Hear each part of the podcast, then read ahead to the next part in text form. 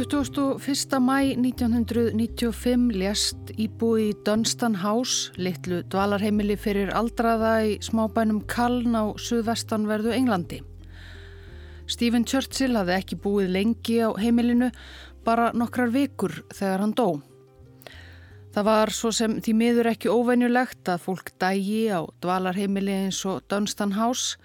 Stephen Churchill var líka orðin mjög laslegur þegar hann fluttið ángað. Það sem var frekar óvenjulegt var að hann var öllu yngri en flestir vistmenn Dunstan House. Þegar hann lést 21. mæ 1995 var Stephen Churchill bara 19 ára gamall.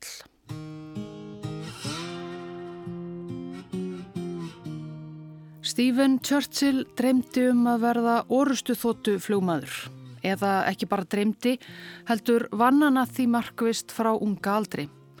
Stephen var fættur 1976 í smábænum Devices í Wiltshire á suðvestur Englandi og bjóð þar alla tíð með foreldrum sínum David og Dorothy Churchill. 17 ára hafði Stephen þreytt intökupróf í breska flugheirin, staðið sig með glæsi brag bæði í líkamlegum og andlegum þrautum en var því miður aðeins of hár til nésins til að geta tróðið sér í þrönga stjórnklefa orustu þotna. En önnur tækifæri byðu hans þó án Eva í flughernum. Í april 1994 varð Stephen Churchill 18 ára. Hann sótti málaskóla á Spáni um sumarið. Þegar hann kom heim til Devices í ágústlokk þótti fóreldrum hans hann frekar uppurðarlítill að sjá. Hann hafði fengið matareitrun í útlandinu og kannski líka verið aðeins of mikið á spænskum diskotekum. Föstudagskvöld í ágúst fekk Stephen Ford Fiesta bíl móður sinnar lánaðan eins og ofta áður og fór út í bíltúr með vini sínum. Ekki laungu eftir að þeir lögðu á stað ringdi símin heima hjá Tjörnsil hjónunum. Það var Lorglan. Stephen hafði farið inn á öfugan vegarhelming og ekkið beint framann á flutningabíl. Ungi ökumadurinn og vinurinn voru sem betur fernar ómeittir en fjastan var ónýtt og Stephen gatt engar skýringar gefið á því hvers vegna hann misti stjórn á bílnum. Þá um höstið fór Stephen að ganga ítla í skóla. Það var nýtt. Hann fekk lágar engunir jafnvel í sínum bestu fögum. Kennarar sögðu David og Dorothy Churchill að Stephen virtist þungur, hann segði fátt og væri mikið einn. Heima fyrir varði hann líka æg meiri tíma bara einn fyrir framann sjónvarpið. Í oktober greindi heimilisleiknir Stephen með þunglindi, ekki óvanalegt í unglingi svo sem og Stephen hafði verið undir mikill pressu í kappi sínu að standa sér í skóla og komast í herrin. En Líf höfðu engin áhrif. Hann gerði orðið lítið annað en að stara á sjónvarpið heima og var farin að horast mikill. Færi hann út úr húsi átti hann til að villast í smábænum sem hafi verið heimili hans alla æfi. Hann fyltist stjórnlausum óta við hverstagslega hluti eins og rennandi vatn og ekkert gerði gagn. Í janúarbyrjun 1995 var Stephen Churchill lagður inn á geðsjúkrahús. Hann var þá farin að reyfa sig undarlega, skjögra eins og hann væri dauðadrukkin. Hann fekk sterk geðlif sem gerðu ekkert gagn heldur. Geðleiknar gáfist fljótt upp. Þetta var ekki andlegt. Í lok januar var Stífen ferður á sjúkrahúsið í Bathborg þar sem læknar gerðu á honum fjölda prófa, allt sem þeim kom til hugar, en fundu engin svör. Taugalæknir á Bathspítala kallaði Churchill hjónin á sinnfundum miðjan februar. Það var allt farið að líta út fyrir, sagði hann, að Stífen þarna á 19. ári væri með taugarhörnunarsjúkdóm. Og Stephen varð bara verri og verri. Hann gæti ekki lengur tjáð sig, var að missa alla stjórn á reyfingum sínum. Hann þurfti hjálp við allt og stöðuga umönnun, meiri en David og Dorothy gáttu veitt. Það var þess vegna sem þau ákváðu að koma honum fyrir á dvalarheimilinu Dunstan House í Kaln. Þau vonuðust til þess að þar fengi hann góða umönnun og myndi líða eins vel og hægt væri, þó hann væri mörgum áratugum yngri en aðrir íbúar. Hann fekk sérherbergi sem Churchill hjóninn skreittu með uppáhalds hlutunum hans að heiman eins og plaggati með léttklættri Pamelu Andersson í Baywots. En dvöl Stevens á dvalarheimilinu varð stittri en þau vonuðust til. Rétt þremur vikum síðar var sonur þeirra látin. Og Churchill hjónin í raun engunærum það hvers vegna. Það var um miðbygg nýjunda áratugar síðustu aldar sem breskir nautgripabændur fóru fyrst að taka eftir undarlegu nýju meini í skefnum sínum. Kýr, bæði mjölkur kýr og holdanaut, urðu fælnar og styggar eins og upp úr þurru, reikular í spori og valtar. Fóru svo að hórast þar til þær vestluðust hreinlega upp, bindu bændurnir ekki enda á þjáningarstríð þeirra fyrr. Sagt var frá þessum árum í síðasta þætti í ljósi sögunar. Þegar leið á nýjunda áratugin vektust æg fleiri kýr af meininu tugir skeppna og svo hundruð. Breskir dýralæknar og vísindamenn höfðu snemma veitt eftirtækt líkindum við riðveiki sem plagað hafi brest söðfje öldum saman. Bæði höguðu veikar kýr sér líkt og riðuveikar kindur gerðu og við krupningu komi ljósað heilin í sjúkri kú var stór skemdur, settur litlum götum, líktist svampi eða heila úr riðuveikri kind. Sökudólkurinn, smittefni, bæði riðu og nýja sjúkdómsins eru svo nefnd príón, sérstök gerð af prótínum sem geta gert óskunda í taugakerfinu og valdið hrikalegum heilaskaða. Nýja sjúkdóminn hafðu breskir vísindamenn nefnt svampkent heilamein í kúm, enska skamstufinnin BSE, Einfallega kúariða varð ofan á í íslensku en breska gödupressan vísaði í atferðli veiku skeppnana, brjálsemina sem greip sumar þeirra og talaði helst um mad cow disease. Pressan hafði einmitt mikinn áhuga á þessu máli frá því að fyrstu fregnir bárust af fælnum nautgripum. Brettar voru að verða mikil nautakjöts þjóð og breskir neytendur áttu helst kjött af breskum kúm. Gatt verið að einhver hætta væri á ferðum fyrir mannfólk sem borðaði brest kjött eða drakk breska mjölk. Nei, nei, ítrekkaði íhaldstjórn Margaret Thatcher marg oft. Breskir söðfjárbændur hafðu lifað með sinni riðu kynnslóðum saman eins og fleiri þjóðir og ekki þekktist eitt einasta dæmi þess að riða gæti borist í mann og valdið veikindum þrátt fyrir allt lambakjöts átt og náið samneiti við sjúkar kindur. Samt höfðu margir áhyggjur. Við skildum við sögu þessa í síðasta þætti á vormánuðum ársins 1990. Síamsköttur í Bristol, Max, hafði drepist úr svampkendu heilameini fyrsti heimiliskötturinn sem vitað var að fengi slíkt mein. Vakin var aðtökli á því að Max hafði getið breskan katamatur bresku nautakjöti.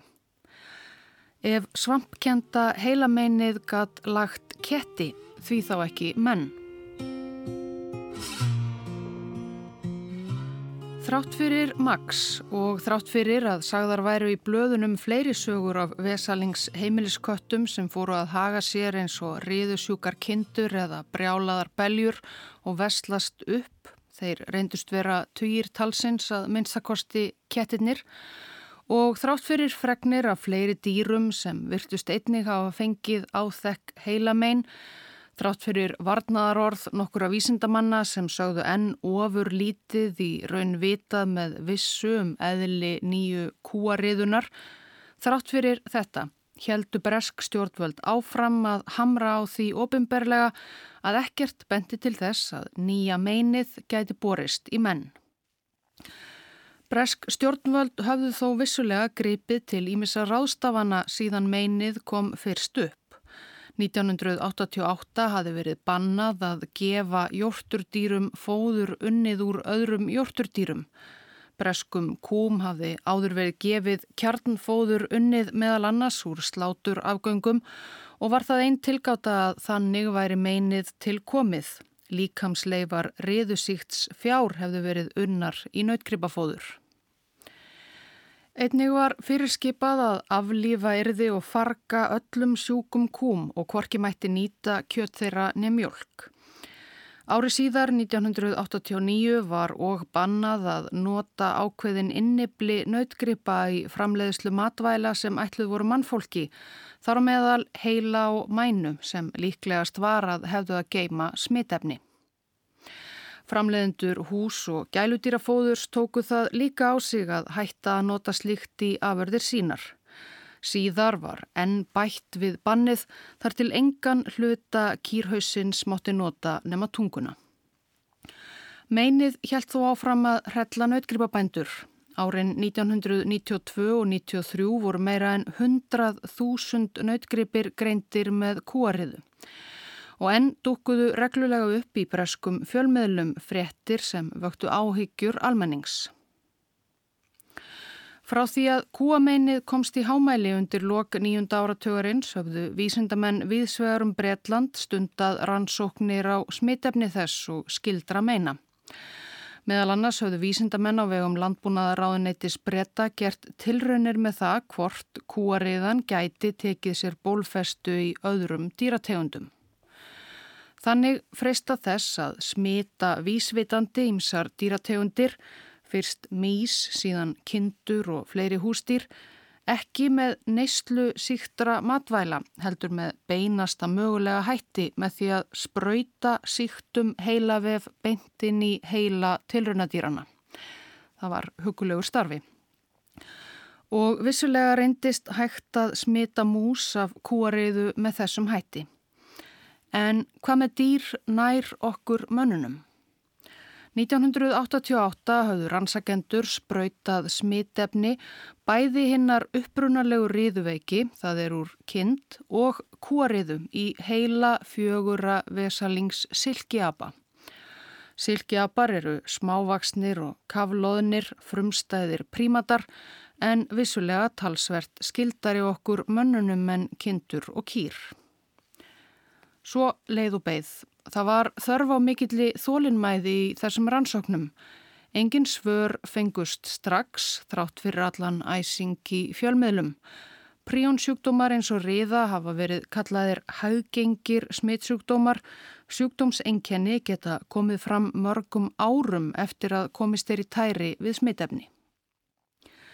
Vorið 1991 fóru tveir silkiabana að sína enkenni sjúkdóms, þessi klassísku riðuenkenni. Það voru þeir tveir apar sem spröytaður hafðu verið með söðfjárriðu. Leiðilegt fyrir grei apana auðvitað en í landbúnaðaraðanætinu hrósuðu menn þó happi. Kúariðu aparnir tveir voru enn stálsleiknir. Nýja kúariðan virtist í ekki eins smitandi og riða allavega ekki í prímötum. Og þar sem söðfjárriða hafði aldrei borist í menn veru enn minni líkur á að kúariðu tækist það stökkið. En þessi gleði varð skamlýf. Aðeins tæpu ári síðar í mars 1992 neittust vísindamenn ráðuneyti sinns til að tilkynna að kúariðu smituðu silkiabatnið tveir hefðu báðir loks farið að sína enkenni sjúkdóms Sjúkdómurinn hafði reyndar þá þegar dreyið báða apa til dauða.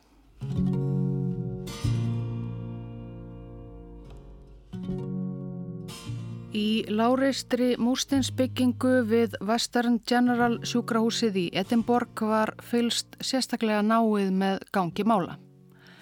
Árið 1989 hafði svo nefnd Southwood nefnd sem kannadi ímsa anga kóriðu faraldur sinns og ráðlagði breskum stjórnvöldum mælt fyrir því að fylstirði sérstaklega með hvort uppkæmu svampkend heila mein í mönnum sem tengjamætti við nautgripi eða landbúnað á einhvern hátt, svona til öryggis.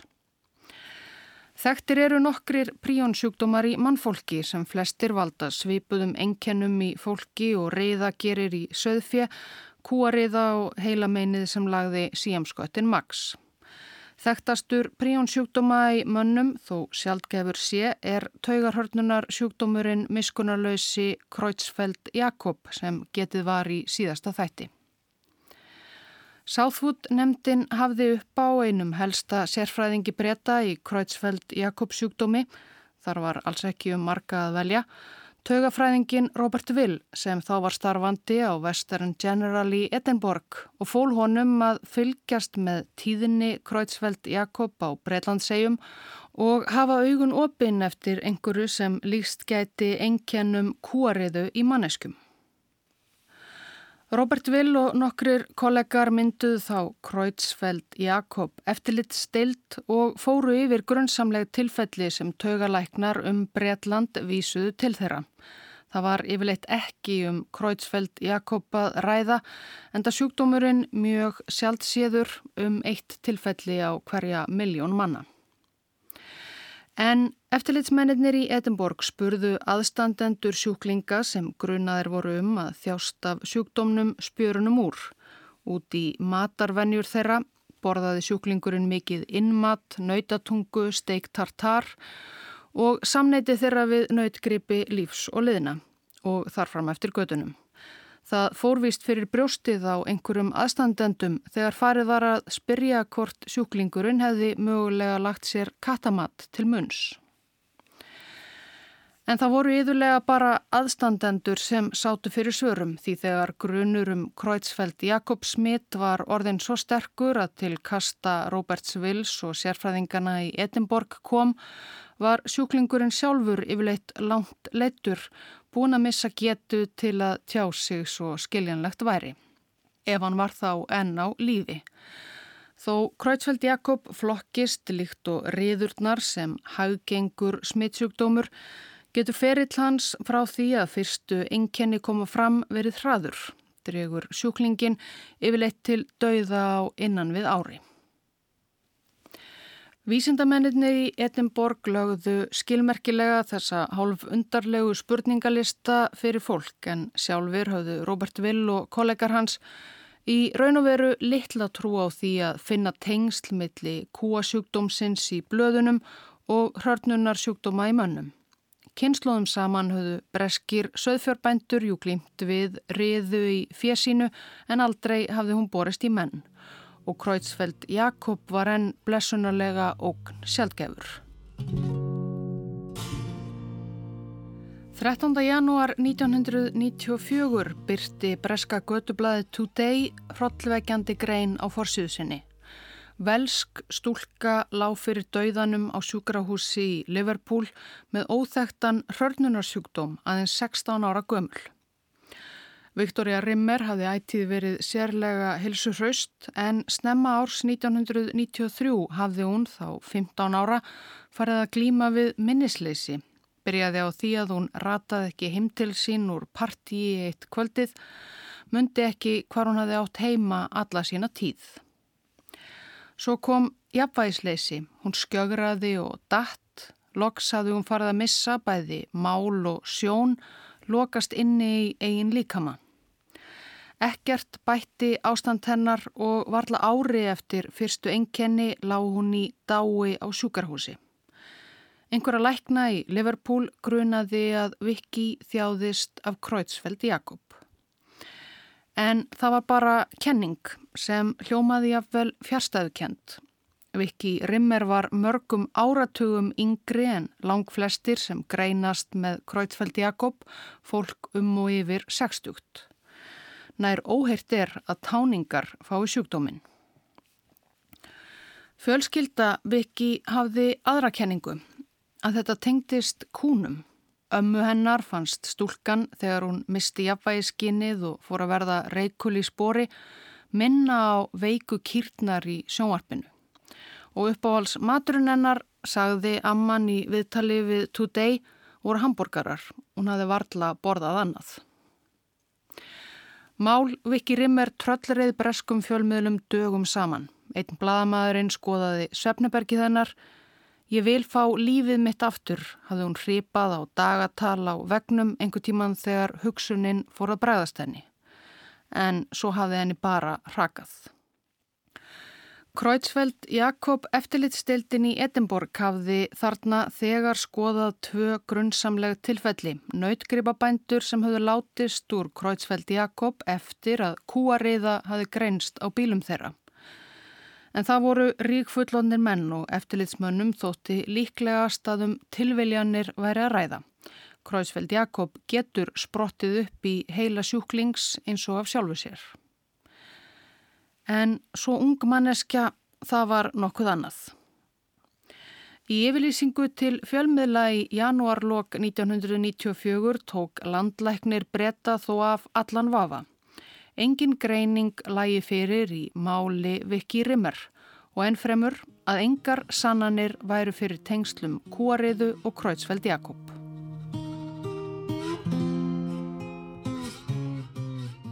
Stephen Churchill lést 21. mæ 1995 í herbergi sínu á dvalarheimilinu í Kaln. Hann var 19 ára gamall. Það var varla ár síðan að foreldrar hans höfðu fyrst byrjað að taka eftir undarlegum hlutum í fari hans, fyrstu sjúkdómsenkennum. Nýju mánuður síðan hann klesti bíl, móður sinnar. Foreldrarnir höfðu hitt ótalækna og sérfræðinga og meðan á sjúkdómslegu Stevens stóð, en þegar hann lést, táningur á dvalarheimili fyrir aldraða, hafðu ekki fengið neyn skýr óeikjandi svörum hvað amaði aðanum, annað en einhvers konar hörnunarsjúkdómur.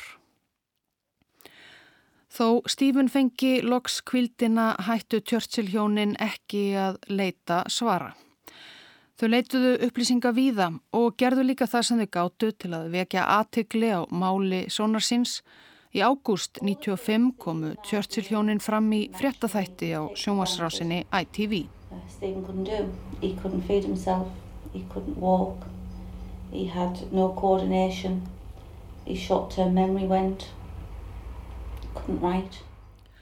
Þátturinn vakti nokkra aðtegli en fekk sömu viðbröð frá breskum stjórnvöldum og undanfæran ár ekkert sem bendi til tengsla veikindana við nautakjötsátt. Eftirlitstildin í Edinborg var þó vissulega að fylgja máli Stevens Churchill eftir. Það, líkt og mál Viki Rimmer árið áður, var stór undarlegt, svo alvarlegur hörnunarsjúkdómur í svo ungri mannesku. Og svo fóru undarlegu tilfellin hreinlega að hrannast upp. 19 ára háskólanemi í Dörram hafði byrjað að finna fyrir minnisleysi í ársbyrjun 95 Svo snar rakaði honum og 13 mánuðum síðar í februar 96 var hann látin. Hann var grænmetisæta en hafði borðað kjött í æsku, verið sérstaklega hrifin af hambúrgurum. Anna Persson, 29 ára lögmaður í Kent, hafði byrjað að gleima haustið 1994. Nokkru mánuðum síðar var hún orðin svo heldtekin af kvíða að hún þorði ekki að stíga inn í dómsal.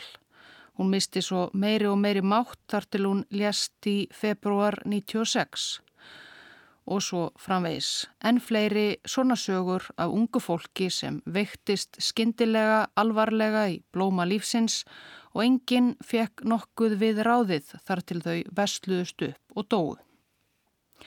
Vorið 1996 hafði eftirlitstildin í Edinborg tekið til skoðunar tíu tilfelli þar sem mjög ungt fólk virtist þjást af Kreutzfeldt Jakob eða mjög áþekkum sjúkdómi. Þaraf voru átta ungmenni þá þegar látin því sjúkdómslega þeirra varð sjálfnast laung. Krupning á líki Stevens Churchill leiti í ljós að hluti heila hans var settur litlum götum, já, líktist svampi. Sýrilagi voru þeir hlutar heilans sem sjáum að mynda og geima minningar, svo þeir sem stjórna reyfingum líkamanns ítla farnir. Skemdirnar líktust mjög skemdum í heila Kreutzfeldt Jakob sjúklinga. Þó voru ímið sérkenni sem bentu til að þetta væri ekki beint hinn hefðbundni Kreutzfeldt Jakob eins og vísindamenn konnuðust við hann. Eitthvað örlítið öðruvísi.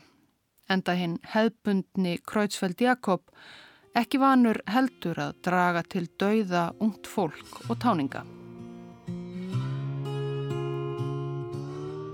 Vissulega hafi verið bannað að vinna matvæli úr nautaheilum og mænum strax árið 1989, hættulegustu hlutum nautskroksins að því talið var. Það þýtti þó raunar ekki að þessir partar rötuðu ekki þrátt fyrir bannið á einhverja matardiska, eitthvað úr þeim. Í ljós komað ekki var alveg allt með feldum, með framfréttum af dularfullum veikindum og döðsfullum ungs fólks úr hörnunarsjúkdómum, fengu lesendur bresku dagbladana um miðbygg tíunda áratögar að læra eitt og annað um innlenda matvælaframleiðslu og um enn eitt undur nútíma kjötvinnslu sem mörgum fannst miður geðslegt, svo kallað vél úrbeinað kjött eða mechanically removed meat.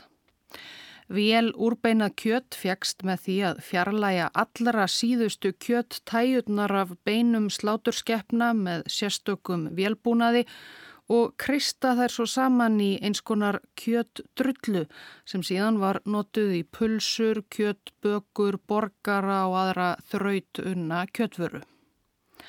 Í ljós kom einnig að margar kjötvinnslu stöðvar voru alls ekki nógu vandvirkar við að reynsa allt áhættu samt efni af skrokkpörtum eins og ryggjarliðum áður en þeir fóru í véladnar.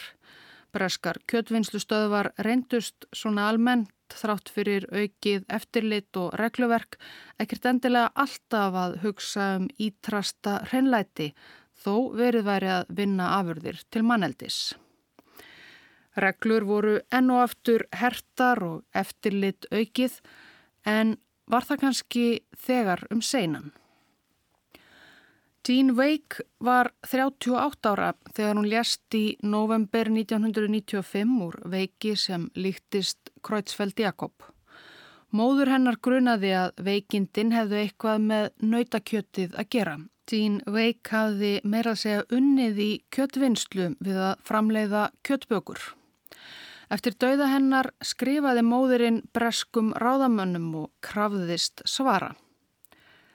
Breski íhaldsflokkurinn var þarna enn við völd, hafi verið óslitið frá 1979 en John Major hafi tekið við af Margaret Thatcher sem leiðtói flokksins og forsætis á þeirra 1990. Það var því John Major sem svaraði sirkjandi móður Jean Wake. Hann vottaði henni samúð sína vissulega en bætti við í brefinu enn og aftur til að taka af allan vafa skrifaði forsætisráþurann Ég tek það skýrt fram að manneskjur fá ekki kóriðu. The government has consistently told us there is no link between mad cow disease and the human illness Creutzfeldt-Jakob disease. 20. mars 1996. Now, according to reports in several newspapers this morning, it may be about to change its mind. Stephen Dorell, helbreyðisráð þeirra Breitlands, neittist til að flytja breskum þingheimi og þjóðinni vond tíðindi. With permission, Madam Speaker, I would like to make a statement about the latest advice which the government has received from the Spongiform Encephalopathy Advisory Committee. Kreutzfeldt Jakob eftirlitstildin við Western General Spítala í Edinborg hafði þarna greint tíu veik ungmenni, öll látin, með nýjan príonsjúkdóm. Sjúkdómurinn var eins og afbreyði af Kreutzfeldt-Jakob en það var hann kallaður einmitt það, variant Kreutzfeldt-Jakob disease á ennsku skamstafað VAF-CJD. Afbreyði þetta virtist eftir að eftirritstildin ráðferði sig við evróska kollega fyrirfinnast einungis í Breitlandi og sérleg ráðgjafa nefnd breskra stjórnvalda í málefnum svampkendra heilameina gata ekki annað en meti það svo að tengsl væru millir nýja sjúkdómsins í mönnum og riðunar sem hafði uppgötast í breskum nautgripum rúmum áratug fyrr. The committee have concluded that the most likely explanation at present is that these cases are linked to exposure to BSE For the first time, the government's accepted infected beef is most likely to have killed human beings. Frettinnar fóru sem stormsveipur, ekki aðeins um brest samfélag heldur um heiminn. Strax daginn eftir hafðu fimm Evrópulönd bannað allan innflutning á bresku nautakjöti. Evrópusambandið allt fylgdi þeirra dæmi nokkrum dögum síðar. Verð á nautakjöti á breskum mörguðum snar lækkaði undir eins, verulega dróur kaupum og neyslu breyta á einlendu nautakjöti. Hreinasti ótti greipum sig meðal almennings í Breilandi. Árum saman höfðu enda aðstu ráðamenn landsins, heilbreyðis og landbúnaðar yfirvöld hamrað á því að brest nautakjött væri með öllu hættulöst til neyslu. Árum saman höfðu breskir foreldrar gefið börnum sínum borgara og pulsur í góðri trú en nú virtist sem svörtustu dómstagsbár hefðu alla tíð verið réttar, neysla nautakjötskat valdið hryllilegum sjúkdómi í mannfólki. Sjúkdómi sem lagðist á helsuhraust ungt fólk og dróð það undantækningar laust til dauða. I wish I had persuaded my children to avoid beef. It's just too dangerous, the long-term effects. We don't know about the beef we've eaten, let alone now. Hættan við hambúrgara og pulsuátt var þó að öllum líkindum ekki eins mikil þarna árið 1996. Það var ljóst þegar framleiðu stundir þó fyrstum sinn væri mikil óvirsa. Breytingar á kjötvinnslu í Breitlandi sem byrjað hafi verið að hrinda í framkvæmt í kjölfar fyrstu kúariðu tilfellana og ofanverðum nýjunda áratug og förgun síktra nautgripa Þessar aðgerðir höfðu líklegast borið tilætlaðan árangur og komið í vekk fyrir að smitefni bærist víðar. En riða, kúariða, Krætsveld Jakob, fleiri ítlvíir, príjónsjúkdómar, þeir eru jú ekki síst þekktir fyrir það hver langur tími getur liðið frá því að sjúklingurinn kemst í tæri við smitefni og þar til fyrstu enkennin koma fram, oft mörg ár. Því er líklegt að ungubreitarnir sem letust úr afbreyði Kreutzfeldt Jakob þarna í kringum 1995, 96, 97 hafi smitast mörgum árum áður sem börn jafnvel, kannski hreinlega á setni hluta nýjunda áratugar og áður en gripið var til viðtækra aðgerða í breskum kjötiðinaði til að koma í veg fyrir reyðusmitt. Kanski var það einhver borgari eða kjötbaka sem þau fengu sem börn, hakkur, kjöti, síktrar, kýr. Leifar af smitefni úr nautaheila eða mænu í einhverjum kjötréttinum sem bóðið var upp á í skólanum. Bresk skólamötunetti hafðu þurft að þóla harkalegan niðurskurð á valdatíð Margreðar Thatser og Íhaldsflokksins á nýjunda áratugnum Það þurfti að spara verulega í hráefniskaupum. Því var það oft allra ódýrasta kjötgumsið, upprunni óþektur, sem rataði á matarbakka breskra skólabarna. Þraut unnið vél úrbeinað kjöt úr sláturafgöngum hafði meira segja verið notað í barnamatt fyrir þau allra yngstu. En nú var búið að banna flest allt slíkt og riðutilfellum meðal breskra nautgripa fór sömulegis fækandi upp úr miðbyggi tíunda áratögarins. Já, kannski var hættan orðin minni þarna 1996 en hver margir breytar höfðu þegar smittast og hver margir áttu eftir að veikjast.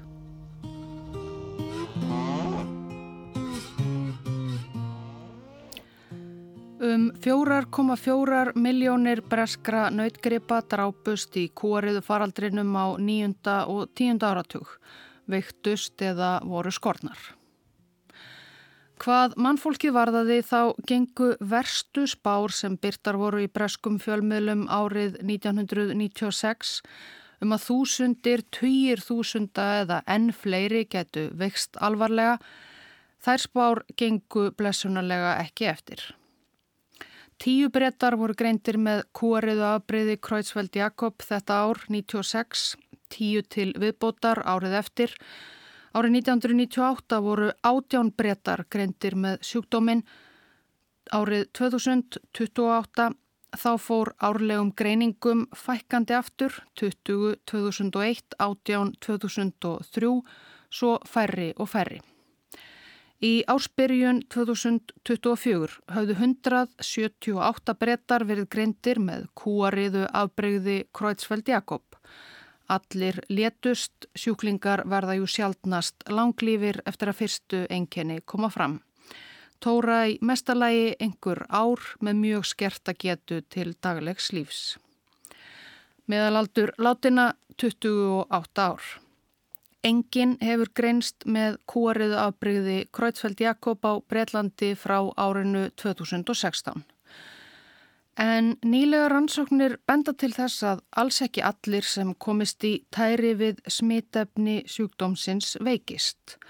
Samkvæmt rannsókn sem byrt var í British Medical Journal árið 2013 er smitefni kúariðu afbreyðis Kreutzfeldt Jakob að finna í einum af hverjum 2000 bretum, fólki sem er fullkomlega heilbreytt. En sem komið er, kannski telja einhverjir vísindamenn vegna þess hver þróun príonsjúkdóma getur verið einstaklega hæg eiga einhverjir þeirra bara enn eftir að fá fyrstu einkennin áratugum síðar. Rannsóknarnemdum kúariðu faraldurinn skilaði loka skýslu sinni í oktober árið 2000. Skýslunar var beðið með mikilli eftirvæntingu en það hafði nemdin þá verið að störfum í 2,5 ár, rætt við á 700 málsaðila og vitna og farið yfir gríðarlegt magn gagna. Í skýslunni sem er í 16 bindum er enn 4000 síður er framferði bæði vísindamanna og stjórnmálamanna gaggrínt. Ekki síst hafi fjölmarkir látið blindast af þeirri fullvissu að riðuveiki eins og hann byrtist í söðfje gæti ekki valdið veikindum í mönnum því gæti engin hætta verið á ferðum.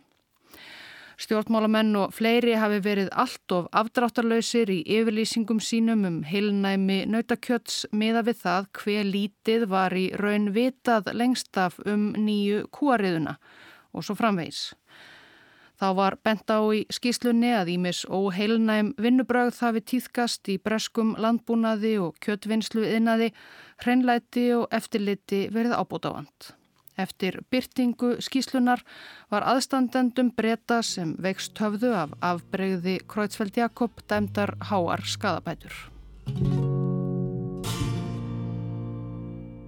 Kenning Johns Wilesmith, faraldsfræðing stýralækningaransóknarstofnunarinnar í Weybridge sem fyrstur rannsakaði faraldurinn um að upphaf kúariðu megi rekja til þess að nautgripum hafi verið gefið fæði unnið úr kjöti riðusjúkara kinda er enn einn helsta kenningin um uppruna faraldursins, þó ekki svo eina.